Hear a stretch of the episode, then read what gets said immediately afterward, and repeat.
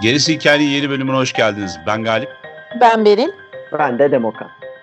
Bu hafta sizlerle geçtiğimiz haftalarda konuşmaya başladığımız Shining filminin devamı olan Doktor Sleepy konuşacağız. Doktor Sleep romanını değil e, ama Doktor Sleep filmini e, merkeze almayı planlıyoruz. Bu bu bölümümüzde mi diyeyim, bu serimizde mi diyeyim? Çünkü işin içerisine Stephen King girince gerisi hikaye ekibinin bir sürü söyleyecek şeyi oluyor, sözü oluyor. Ee, King çok eski, uzun zamandan beri Türkiye'de yayınlanan bir yazar. Çok da iyi bir korku yazarı, korkunun süperstarı. Bizim de hayatlarımıza dokunmuş, yıllarca hep onu okumuşuz.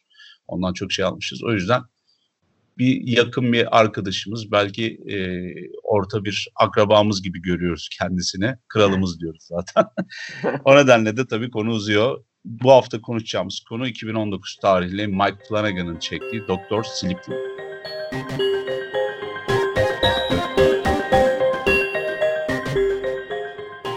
filme girmeden önce geçen gün işte e, bir haber okudum. Tabii büyük ihtimalle bogus bir haber. Yani yalan haber de. Hatta birkaç kere buna rastladım ama en sonunda dikkatimi çekti bu nedir diye. Özellikle e, Doktor Sleepy seyretmiştim. Böyle bir yakınlık geldi. Bir çağrışım geldi. Bu Andrenokrom diye bir serumdan bahsediyorlar. E, bu elitlerin ölümsüzlük serumu denilen bir şey. E, bu da şeye baktım tabii Wikipedia'dan direkt olarak baktım. Çok fazla araştırmadım ama zaten haberin yalan olduğu belli. Çünkü öyle bir fonksiyonu yok ama şu şekilde e, adlandırılıyor. Adrenalin hormonunun yükseltilmesiyle elde edilen kimyasal bileşiktir diyor. Yüz, hatta yükseltmek de değil, yükseltgenmesiyle diye. Ama formülünü falan filan vermişler. Şimdi e, bahsettikleri aslında bu e, formül.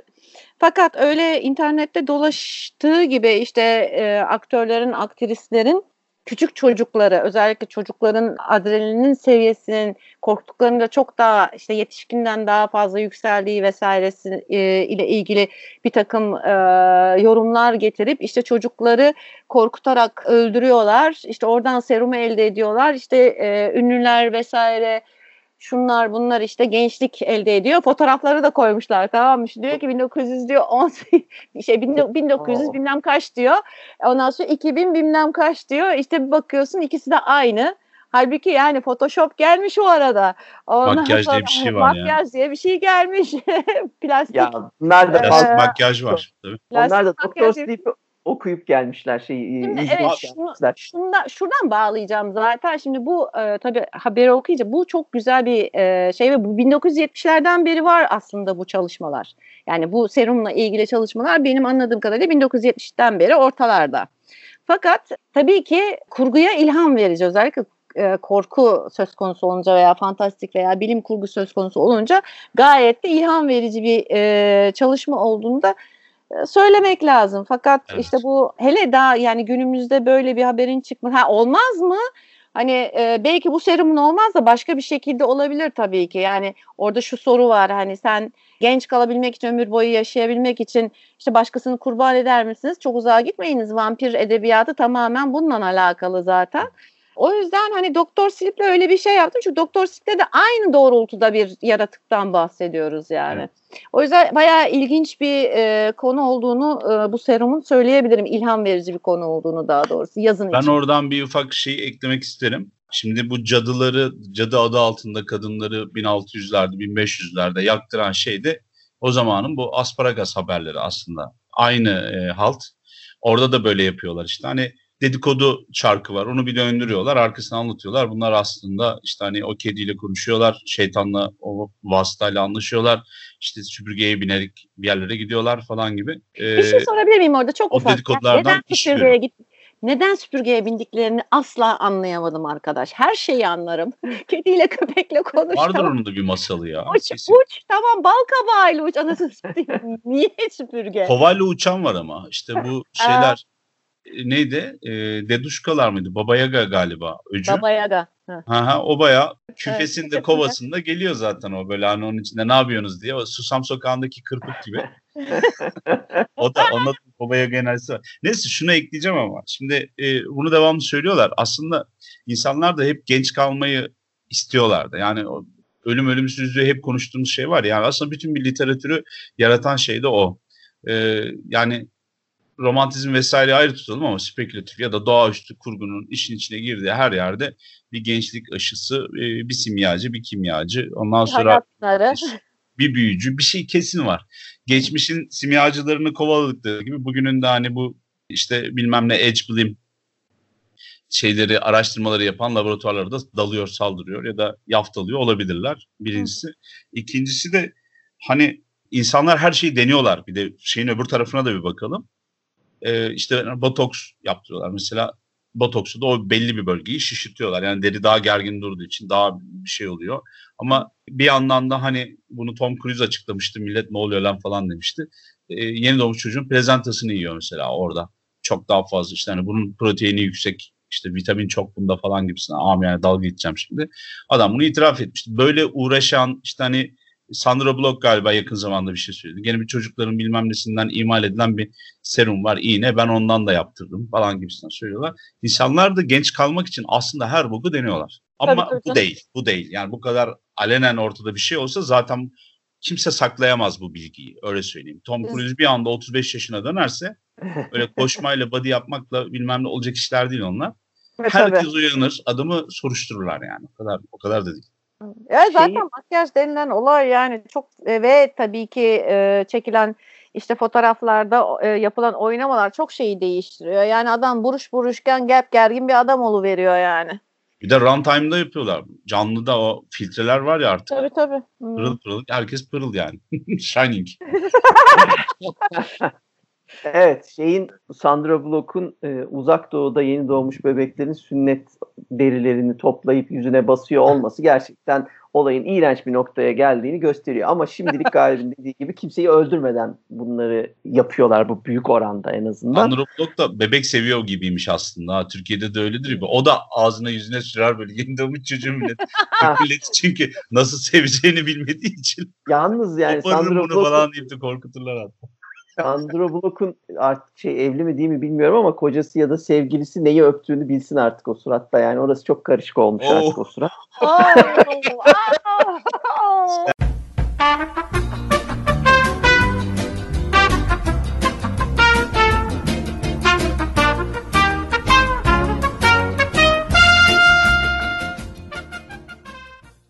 bu konuya taşıyan nedir? Bir kısaca ondan bahsedeyim. Ben Doktor Sleep, Stephen King'in ben bahsedeceğim ama şey kitabı okumadım onu önden söyleyeyim. Medium'un devamı olarak yazdığı 2013'te yanılmıyorsam yazdığı evet. roman e, ve orada bakalım bizim Deni'nin başına neler gelmiş olabilir gibi gelişen olaylar. Bunu da bu Haunted Hill House'un da e, yönetmeni Mike abi alıyor Flanagan. Bir yandan King'le uyumlu gitmek istiyor. Anladığım kadarıyla onunla iletişimi iyi olduğu için bu işi başarıyor. Diğer yandan da ama Kubrick'i de reddedemeyecekleri için ve de yani çok büyük bir zenginlik orada geçen e, haftalarda uzun uzun konuştuğumuz arka planında en azından e, detaylarından bütün dünyayı nasıl etkilediğinden kısaca bahsettiğimiz e, Cinnet filmini de reddedemiyor ve bu ikisini e, senaryoyu da e, yazarak yani kitabı değiştirerek hikayenin özellikle gördüğüm kadarıyla sonu değişmiş. Sonunu özellikle değiştirerek falan böyle yeni bir film ortaya çıkarıyor. Bu filmde de biz önce geçmişe atıfı bir görüyoruz. 80'li yıllarda otelden, Overlook otelden çıktıktan sonra anne oğul Danny ile annesi ne yaşamışlar? Danny o travmayı atlatmak için neler yapmış? Ondan sonra 2011 yılına geliyoruz. Artık yetişkin olmuş fakat travma ya da atlatamadığı ortaya çıkıp alkolik olmuş babası gibi. Bu sefer Ewan McGregor'un canlandırdığı yetişkin deniyle karşılaşıyoruz ama orada başına öyle bir olay geliyor ki her şeyden vazgeçip başka bir şehre taşınıp hayatını düzeltmeye çalışıyor. Bu sürecin içinde elimizde biz de ne olduğunu tam olarak bilemediğimiz bir e, klan var. Bunlar da işte demin konuştuğumuz, en başta konuştuğumuz bu genç kalma aktivitesini e, gerçek kılmış vahşi bir grup insan ya da yaratık insanlıktan çıkmış bir grup yaratık e, bir sukubus, inkubus atıfı olarak da okuyabileceğimiz e, True Note. Bunlar da beraberce çoluk çocuğu avlayarak e, onların işte o Shining'ini ya da kendi tanımlarıyla steamlerini ne denir buharlarını emiyorlar öyle genç kalıyorlar. Bunu da baştan biz öğreniyoruz. Derken yine aradan bir 7-8 yıl geçiyor. Ha, bir tane de küçük kız Abra'yla da tanışıyoruz. O da çok parlak. O da müthiş Shining. Ee, ve aradan 8 yıl geçince artık 13 yaşına gelmiş Abra. 50'li yaşlarına yaklaşmış Danny. Ve bu parlaklığın peşindeki True Note ekibi Roll the Hat'in önderliğinde bir çatışmaya doğru ilerlemeye başlıyoruz. Yani çok fazla detaya girmeden anlatabileceğim şey bu. Başlangıç olarak bu filmle ilgili. Film bu anlattığım kargaşa görüntüsünü şaşırtıcı bir şekilde iki buçuk saatte yani Director's Cut 3 saatmiş fakat ben ona ulaşamadım. iki buçuk saatlik olan normal versiyonunu seyrettim sinemalarda gösteriden. iki buçuk saatte şaşırtıcı bir şekilde toparlamayı beceriyor. O açıdan onu hakkını vermek gerekiyor yönetmene, yazara yönetmene hatta. Kendince güzel, eğlendirici, rahat seyredilen bir korku filmi yapmış. Hem King'i memnun etmiş, e, sonrası hakkında okuduklarımdan gördüğüm kadarıyla King'i memnun etmiş. Seyircileri memnun etmiş genel e, yorumlara bakarak. Şeyde de fena değil. Eleştirmenlerde de %70'lerde olumlu e, yorumlar aldığını görebiliyoruz. Üzerine konuşulacak, zevkle seyredilen bir iş.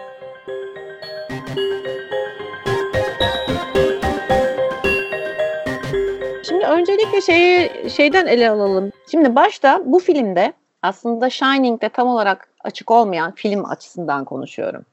Shining'de tam olarak açık olmayan bir şeyi bu film biraz daha açıyor. Birazcık daha açıklıyor.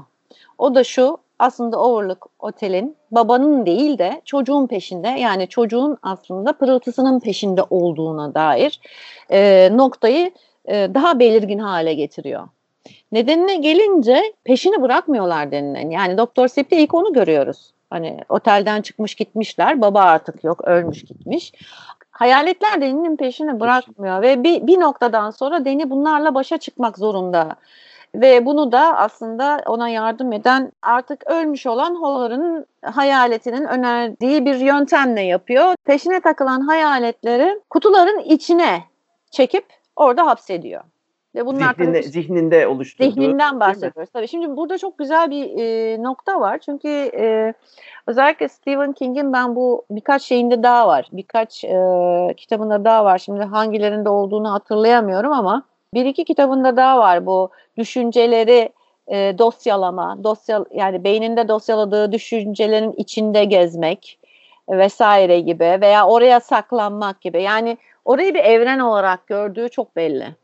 Yani tamamen şeyden bağımsız, dünyadan bağımsız ve bedenden bağımsız neredeyse.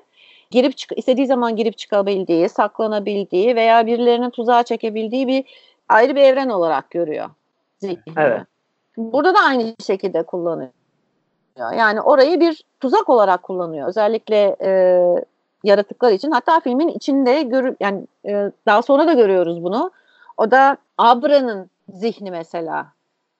Rose the Hat'in Abra'nın zihnine girdiği zaman da o dosyalama sistemini görüyoruz. Oraya da orayı da tuzak olarak kullanıyor. Evet, bu evet. arada bu film için e, spoiler alert verelim. Cinnet'te öyle bir şey evet. yoktu ama burada çok büyük spoilerlar geliyor. Filmi izleyin arkadaşlar. İzlemeden bu, bunları dinlerseniz e, keyfiniz kaçar. Ya bu özelliğiyle benim tabii yakınlık duyuyorsun. Şimdi tane zamanı okuduğun roman bu tür ufak tefek ayrıntıları gördüğün zaman filmin içinde hoşuna gidiyor. Çünkü çok fazla bildiğim kadarıyla kullanılmıyor bu. Özellikle Stephen King'in hani film şeyinin çok talihli olmadığını tekrar tekrar söylüyoruz. E, film macerasının. Bence bu film o açıdan da iyi. Yani o ayrıntıları kullanması açısından da bana e, hoş göründü. E, bayağı nostalji de yaşattı diyebilirim. Seni hayaletleri o kutuların içine koyuyor. Ve biz bunu aslında daha en başından e, ilerisi için savaşabileceği bir silah biriktirdiğini anlıyoruz buradan. Ya ben mesela ilk kutuların böyle yavaş yavaş çoğalmaya başladığını gördüğümde o zaman anladım ki ha bu son noktada bu kutuları kullanacak öyle veya böyle. Sonrasında Deni'nin artık e, yetişkin olduğunu görüyoruz. Yani kutular yani kutuları mutluları kullanmış ama yine de çok fazla kaçamamış kaderinden ya da babasının kaderinden çok kaçamamış e, diyebiliriz. Orada şöyle bir tema kullanılıyor. Alkolizm ve öfke kontrolü genetik midir? Genlerle alakalı olan bir şey midir yoksa insanın kendini aslında ikna ettiği bir şey midir? Çünkü sonuçta evet babası alkolikti. Dedesi de büyük ihtimalle öfke sorunu olan alkolik bir adamdı. Ki bunu zaten Shining'de okuyoruz ve evet. izliyor, şey yapıyoruz. En azından bahsi geçiyor. Hayatını mahvetme noktasına geliyor. Yani öyle bir ana geliyor ki aslında o da bir kadına ve bir çocuğa zarar vermiş oluyor. Aslında dönüm noktası bu filmin. Bir gün uyanıyor, bir bakıyor ki yatakta bir kadınla beraber olmuş ama kadının kadın işte over şeyden ne derler yüksek dozdan işte kendi kusmuyla bayılmış kalmış orada. Öbür tarafta onun işte 10-11 aylık bir çocuğu var. Fakat aldırmıyor. Hatta cüzdanından işte para alıyor kadının ve çıkıp gidiyor. Aylar sonra da bu kadınla çocuğun öldüğünü fark ediyor. Çünkü hayaletlerini görüyor. Evet. O, o nokta kırılma noktası. Çünkü aynı babası gibi bir kadınla bir çocuğa zarar vermiş oluyor. Yani e, özellikle bu e, konuları irdelemesi ya bağlaması açısından e, ben son derece başarılı buldum yönetmenin aynı zamanda yazımını derim ben.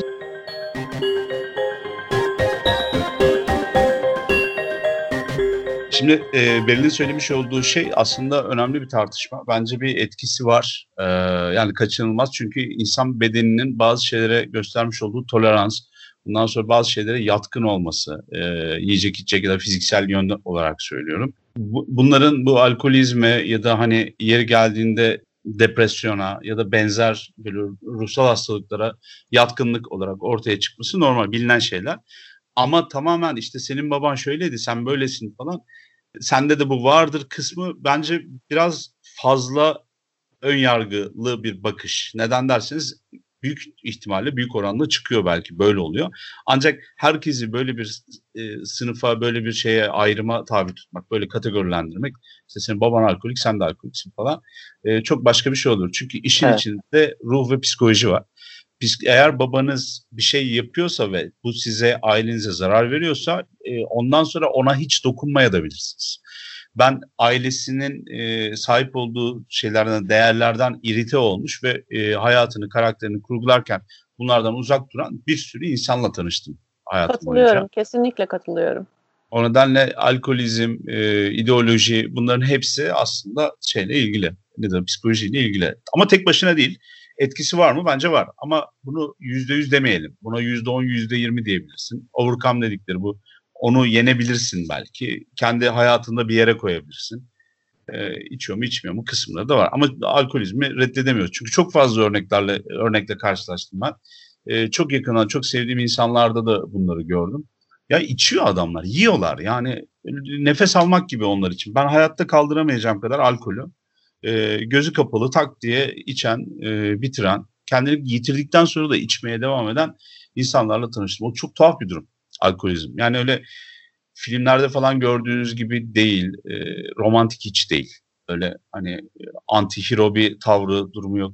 Doktor Sleep de tabii bundan azade değil. Deni'nin olayı çok başka. Deni mesela buradan kurtulamıyor. Çünkü e, kötü bir şey yaşamışlar. Ondan sonra normalde kitapta Halloran ölmüyor.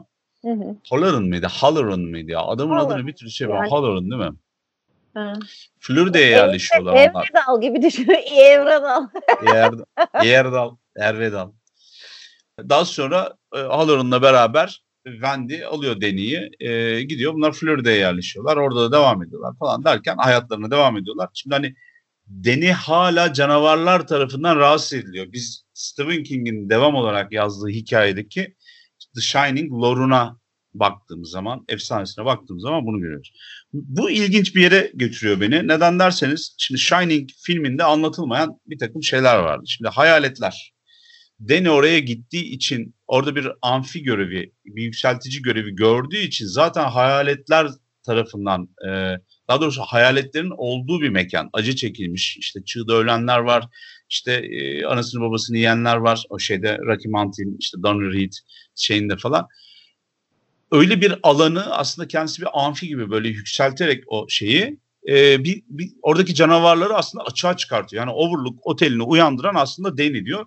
Biz bunu filmde görmüyoruz ama bak mesela. Evet. Biz bunu sadece onun devamını getirmiyor ama Shining'in içinde otelin eski bir Kızılderili mezarlığının üzerine kurulduğuna dair bir cümlelik bir tanıtım cümlesi oluyor. Müdür öyle bir laf ediyor. Biz bir tek oradaki geçmiş hikayeyi film anlamında oraya bağlayabiliriz o kadar. Ama Evet. oradan hiç Kızılderililik çıkmıyor karşımıza. Çocuğun etkisi yok. Onu demeye çalışıyorum. Yani Danny'nin orada bir şey yarattı. Biz ne görüyoruz? İşte problemli bir adam var. Yok, yok, e, yok, ve yok. cabin fever'a bağlamış vaziyette. Anlatabiliyor muyum? Yani o Evet, Jack'e göründüler, Jack'i korkutuyorlar. Evet.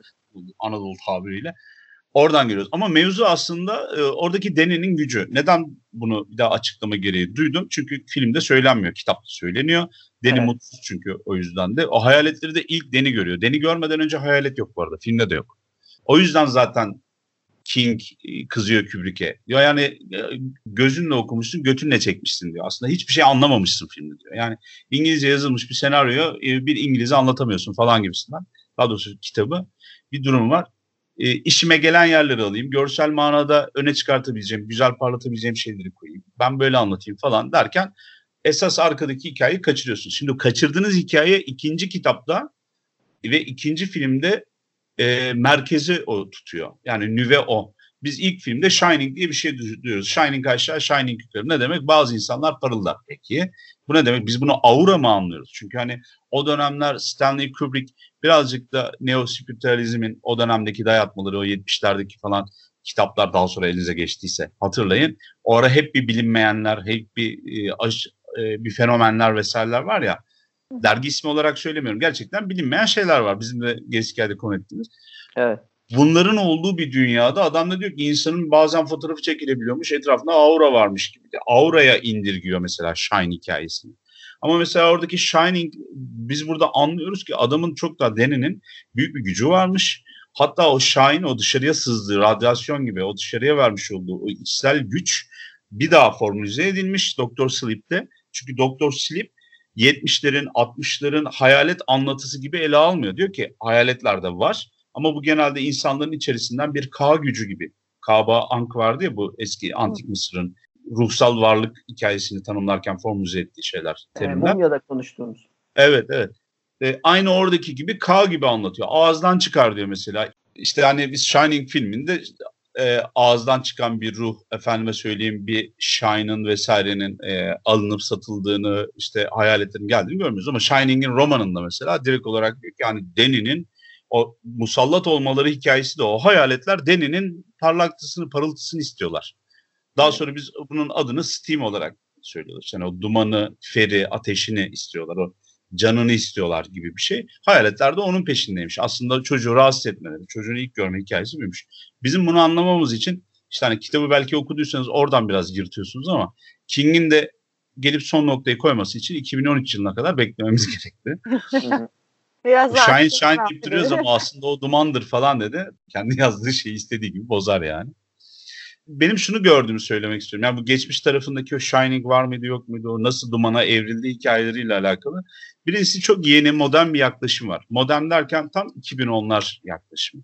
Ee, 2000 sonrasında wellness e, yaklaşım var. Bu ne demek? İyi ye, iyi yaşa, iyi bir hayatın olsun falan gibi. Onun için de hani daha seçici şey yerken hani tüketeceğin şeylerle ilgili daha seçici olmakla alakalı bir kavram, bir yaklaşım var mesela. Bu wellness yaklaşım.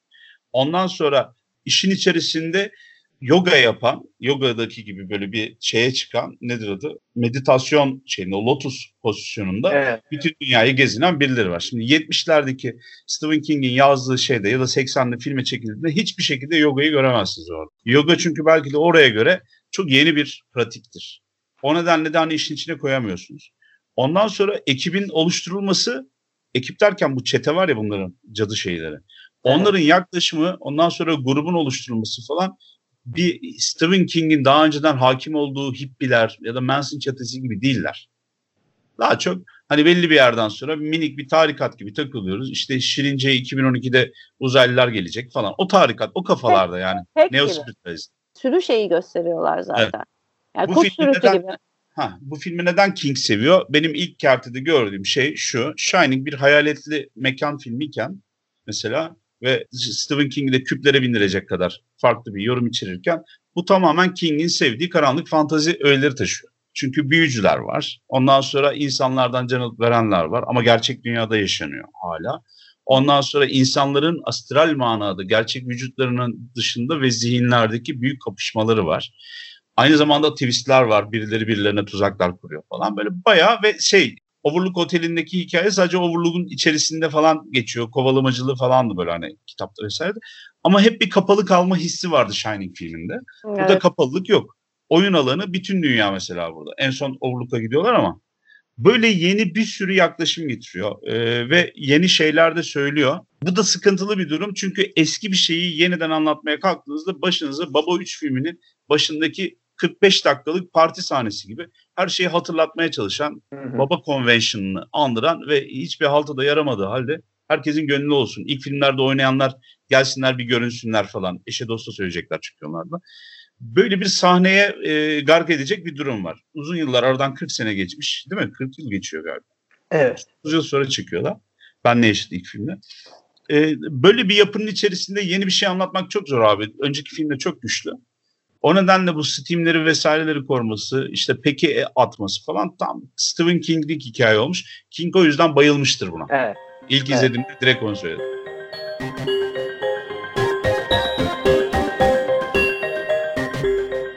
Önce şeyden gireyim ben de. Beril'in sorduğu soru önemli bir soruydu. Bu alkolizm genetik mi değil mi filan. Bu filmin ben kendi adıma yaklaşımının soruyu alt metinde çok net cevapladığını düşünüyorum. İzlediğimde e, öyle bir hisse kapıldım. Tabii ki genetiği bugün biliyoruz da aşağı yukarı böyle bir bilimsel anlamda bir bilgiye sahibiz ama film benim gördüğüm kadarıyla alt metninde onu söylemiyor. Film alt metninde tabii bu kişisel okumam benim ama kutular metaforuyla birleştiriyor. Şimdi siz eğer çocukken yaşadığınız devasa travmaları, büyük sorunları kutulara kapatıp yokmuş gibi davranırsanız, bundan kaçmaya çalışırsanız, çözümlemezseniz eğer bu sorunları, sizi 40 yıl sonra da olsa döner, o kutular açılır ve sizi yani açılmamış olması sizi tuzağa düşürür. Yaşayamazsınız. Sizi öldürür bu diyor film. Yani o kutuların içinde saklı hayaletler metaforu birebir hayatımızda Deni'nin aslında alkolik olmasına sebep olan şey. Yani o kurtulduğunu düşünüyor. Birebir yüzleşmiyor çünkü hayaletlerle. Çünkü yani doğaüstü bir durum var. Zaten yüzleşebileceği bir durum yok. Bir de doğaüstü. kutuya atıyor. Yani Ha, yani bu doğaüstü evrende öyle. Sormuyor bile evet. Hatta şeyi de dostunu da az kalsın hatta filmin içinde hani bir ara Holler'ını da e, yanlışlıkla az kalsın kutuya kapatacaktı. Onu da altını çiziyor. Yani burada diyor ki yani öyle kutulara atıp çözmezsen problemlerini sen de alkolik olursun arkadaş. Bunun sebebi de budur diyor aslında. Hatta yani kutuları da sonradan çok geç olduğunda da açarsan belki sana yardımcı olur gibi görünse de aslında seni de öldürür diyor. Evet. Bu sorunlar. ona şey diyebilir miyiz ya? E, halının altına süpürmek gibi bizdeki aslında. Hı hı. Bir kutuya kaldırmak hani Evet. terim olarak değil mi? Öyle Diyebiliriz. Tabii Ya terim biz- çok doğru. Evet. Yani temizlemiyorsun ama alnın altına süpürünce görünmez kılıyorsun. Oysa pis orası hala. Peki şöyle diyebilir miyiz? Yani alkolim, alkolizmi aslında e, bir bahane olarak da e, sunuyor. Yani şöyle söyleyeyim. İşte parıltımın parıltısını kontrol altına ala- alabilen, azaltabilen veya işte en azından e, hayaletleri, hayaletleri çekmeyecek seviyeye in- indiren aslında a- alkol Evet, o- olması. İşte o üst metin. Yani o bize Hı. söylediği. Film bunu söylüyor. Film Hı açıkça söylediği o zaten. Yani Deni'nin kendisiyle bu işi bir şekilde mantıklı bir yere oturtması lazım Deni'nin yaşamak için. Bir insanın e, var olabilmek için o Doğru. sorunu tamam çözmek için kendince bir cevabı olması lazım. Üst metin o me- onu söylüyor bize. Film açıkça diyor ki bu Shining'ini gizlemek için bu olan bu halde. Oysa filmin alt metni bana sorarsanız çok net böyle bas bas bağıran o kutu metaforuna dönüşüyor. Sorunlarını kutulama esas seni alkolik eden budur diyor bence. O bir. İkincisi Galip'in dediği çok güzel bir nokta. bizim e, geçen şeyde konuştuğumuz Shining'in Shining bölümünde de konuştuğumuz Danny kitapta başroldeyken Jack'in başrolde olması meselesini bize tekrar hatırlatıyor Galip'in söylediği. Yani hani kardeşim Shining dedin ama Shining ne halta yarıyor biz bir filmde görmüyoruz. Ne alakası var Shining'in bilmiyoruz. Ve o yüzden kızmıştır zaten büyük ihtimalle. Çünkü tabii, tabii. Shining yani. Işte. Evet. Bir de bir şey daha ben orada eklemek isterim. Bakın mesela şeyin bizim Evan McGregor'ın canlandırdığı Deni karakteri yani McGregor'ın oradaki bence iyi bir oyuncu olmasının çok büyük etkisi var. Jack Torrance'ı canlandıran Jack Nicholson'ın karakteri gibi rol çalan, öne geçen bir şey değil. Bayağı Deni oynamış mesela o. Deni karakteri nasılsa bir de çok yakışıklı, eli yüzü düzgün bir adam. Ee, öyle bir adama hani istediği her anda başa geçip öyle davranıp o tavırlarla arkadaşı falan öldüğünde ya arkadaşımızı da kaybettik falan gibisinden bir jön kesip bir öne çıkabilirdi. Ama McGregor'ın mesela oyunu da aslında oyunculuğu da orada muazzam bir tat katmış. Yani evet. Flanagan orada anlamış bence zaten o ilk filmdeki hani Nicholson büyük bir adam bir şey diyemiyorsun. Shining'i de çok keyifli bir hale getiriyor. O olmasaydı evet. olmaz mı? Ama hani hikaye bunu anlatmıyor. Orada bir çalışmış. Şimdi burada bir fakatım var benim tabii şimdi o noktadan sonra bir fakatım var. O da şu. Filmde bu söylediklerimizin hepsi film hakkında özellikle doğru olsa da ve Shining'in ne işe yaradığını ilk filmde anlamasak da Shining'in ilk filmdeki dozajı bence doğruydu. Yani keşke birazcık da anlatıp o dozda tutsa daha da süper olurdu. Ama anlatmadan geçtiği için King'i de kızdırmış. Bizi de bunu şu an konuşturuyor.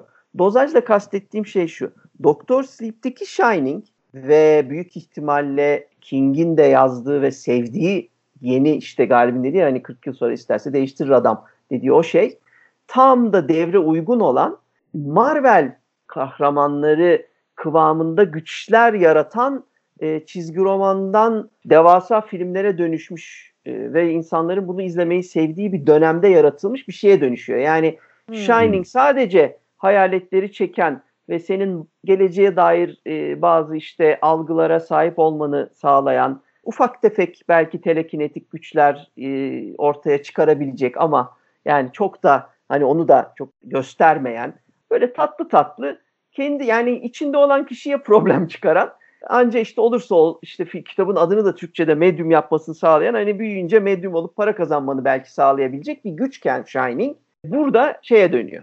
Böyle acayip bir şeye dönüyor. Şimdi bu iyi mi kötü mü o ayrı bir tartışma konusu ama ona döndüğünü görmemiz gerekiyor. Bu da bana biraz şey hatırlatıyor. Şimdi King her zaman sıfır noktasından bugüne kadar her zaman bir entertainer'dı. Kubrick ise neredeyse hiçbir zaman bir entertainer olmadı. Yani entertain eder ama entertainer olduğu için değil. Filmlerin sanat eseri değil de %100 entertainment olduğu yıllardayız biz de şu anda. Evet. Tamam mı? Yani bu filmde bize kesinlikle kaliteli bir entertainment sunuyor. King de kaliteli entertainment yazar zaten. Hı hı. Ee, ama Kubrick'te olan sorun hani bu ikisinin bu iki devin entertainment deviyle e, sanat devinin filmin bir sanat eseri olduğunun bilincinde ve bunu başaran bir adam olan Kubrick'in çatışmasının sonucunda bir Big Bang'ti. Tamam mı? Shining. Oysa e, Doctor Sleep hani e, sanatsal anlamda şimdi şey çok sevdim filmi. Üç kere falan seyrettim bu arada konuşacağız diye sürekli seyrettim. Çok rahat seyrediliyor. Yani yanlış anlaşılmasın evet, ama evet.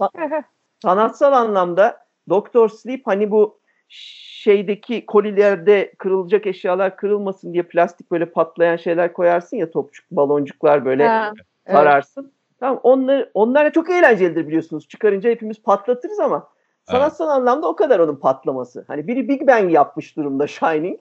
Tamam Bunun sanatsal olarak ama entertainment anlamında çok okay. eğlenceli. Yani böyle çıt sesi çıkarıyor sanatsal olarak ama entertainment 10 numara 5 yıldız. O yüzden hem sevmesini anlıyorum hem filmin dönüştüğü şeyi anlıyorum. Hı. Seyircinin çok sevmesini bu sebeplerle hani ilk aklıma gelenler bunlar şeyle ilgili. Filmlerin arasındaki farkla ilgili. O yüzden zaten filmler kesinlikle karşılaştırılmadan yapılsa iyi olur e, bence eleştiriler. İnsanlar çünkü çok Shining ile karşılaştırmış. Kardeşim sen e, yani neyle neyi karşılaştırıyorsun? O devasa gölgenin altında olacak iş değil.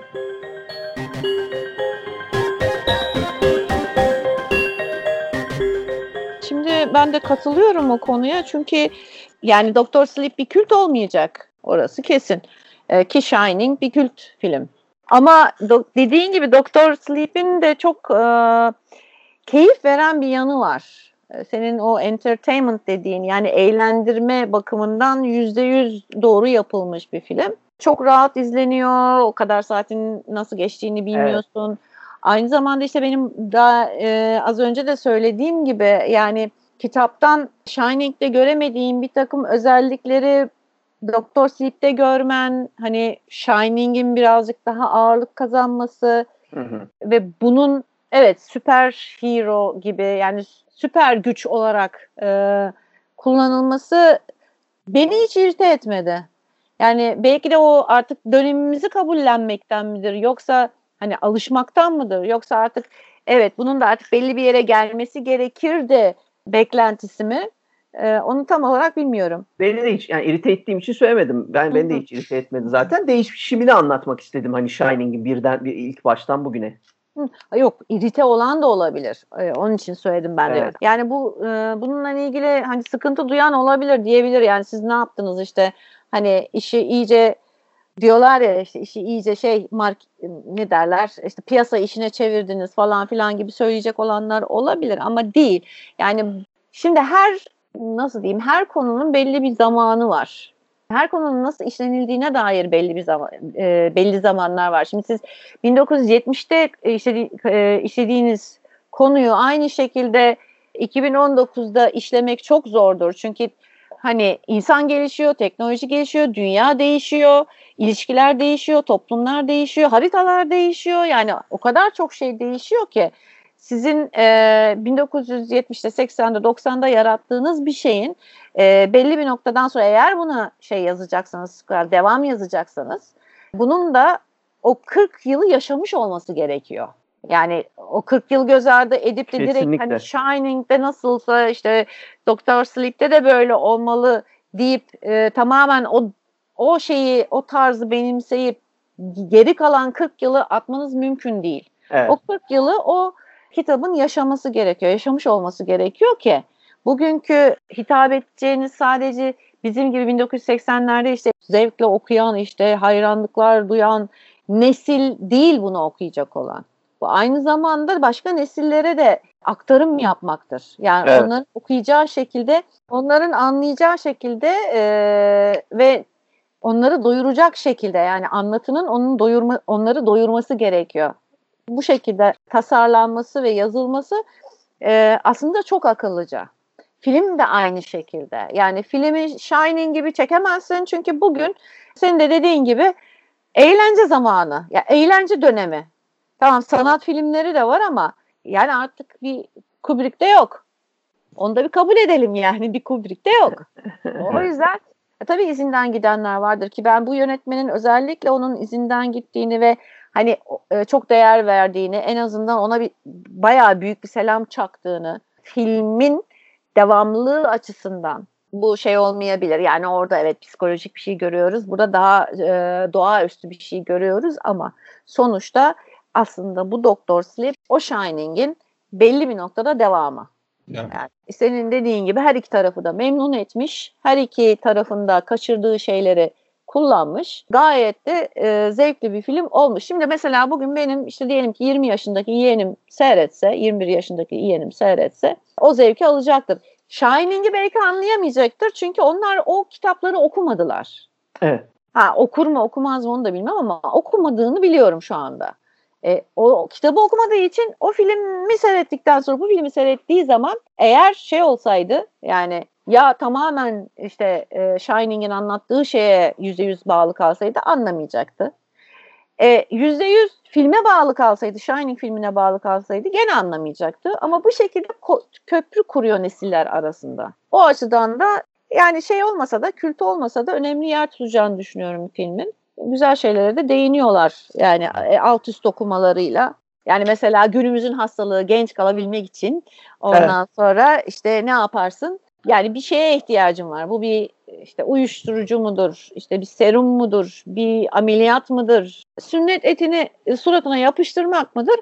Artık orasını bilemem ama sonuçta burada da e, diyor ki evet e, hem kozmetik hem de işte e, yaşam uzunluğu bizim hep o aradığımız şey işte sonsuza kadar yaşamak işte ölümsüz olmak ama ölümsüzlüğü de yaşlı olarak yaşamamak için genç kalmak için e, neleri yapabiliriz?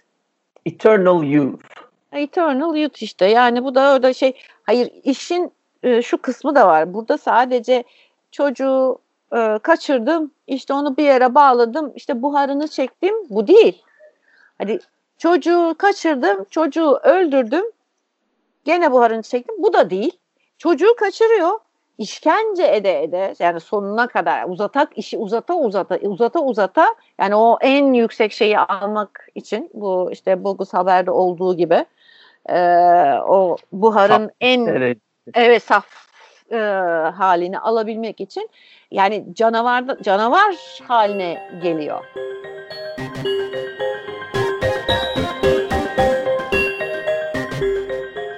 Şimdi benim bu konuda Beril'in söylediklerini biraz geri alacağım. Şimdi Stephen King ile Stanley Kubrick'i iki ayrı sanatçı gibi düşündüğümüz zaman aslında bir ufak bir yol alıyoruz aslında. Bir o yola, o sokağa dönüyoruz anlama ucunda anlayma e, ödülünün olduğu.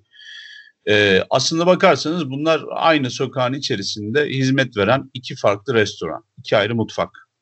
Çünkü ikisi de entertainer benim gözümde bambaşka zevklere hitap ediyorlar ama sonuç itibariyle yaptıkları iş üzerinde etiketi, e, fiyatı olan, e, sunulan, büyük kitlelere ulaştırılan e, eserler ve hiç sadece e, festivallerde görünsün. Festivallerin doğası gereği çok fazla belki tanıtımı yapılmadığı için küçük bir zümreye hitap eder gibi görünsün. Çünkü biliyorsunuz bazı festivallere hitap etsin, orada ödül alsın diye filmler yapılıyor. Türkiye'de de yapılır bu, başka yerde de.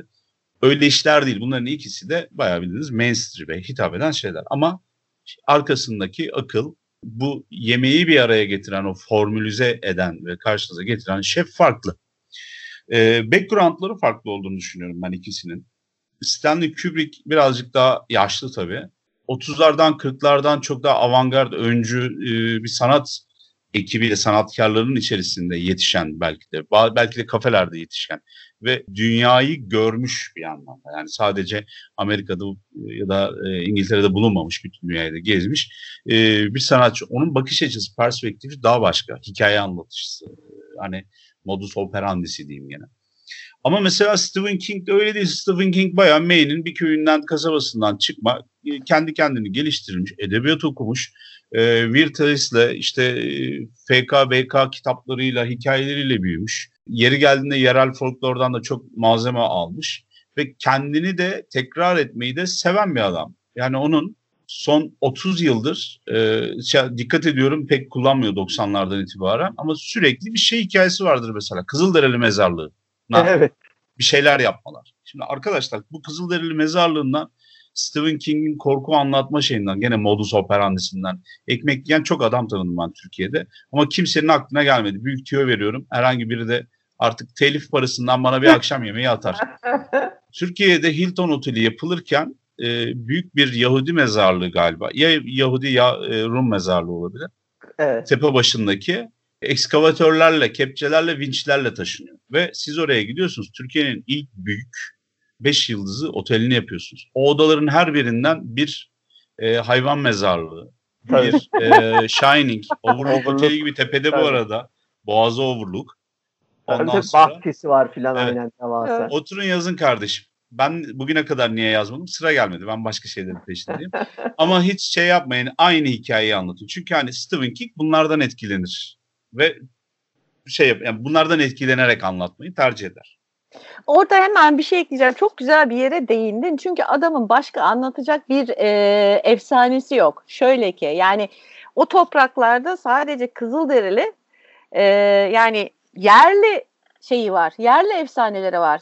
Çünkü daha öncesine gidemiyor. Yani bir Avrupa'ya gidemiyor veya bir işte ne bileyim bir doğuya şey yapamıyor, uzanamıyor çok fazla. Yani onun sürekli tekrarlamasının sebebi etrafındaki efsaneleri kullanmayı tercih etmesi. Ha yok mu Amerikalı veya işte Amerika'da yaşayan işte ne bileyim işte doğuyu irdeleyen veya işte batıyı irdeleyen vesaire vesaire yazarlar var tabii ki ve oradaki şeyleri de efsaneleri kullananlar çok var.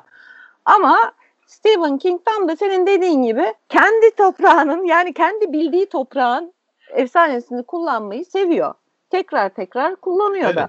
Yani bu, bu nerede yetiştiniz, nelerle bil, dolandığınız da önemli. Yani sizi var eden değerlerden bir tanesi olmuş. Ee, özellikle kafası güzel yazdığı ilk dönemlerindeki romanlarında, o heyecanlı e, anlatılarında hep bir Kızılderili mezarlığı vardır. Ya da bölgelerin, alanların korkunçluğu, e, hikayeleri hep vardı. Yani bu ne demek aslında? Amerika'nın gene kendi hikayesi demek oluyor.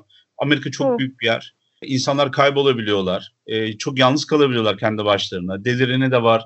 Ortadan kaybolanı da var.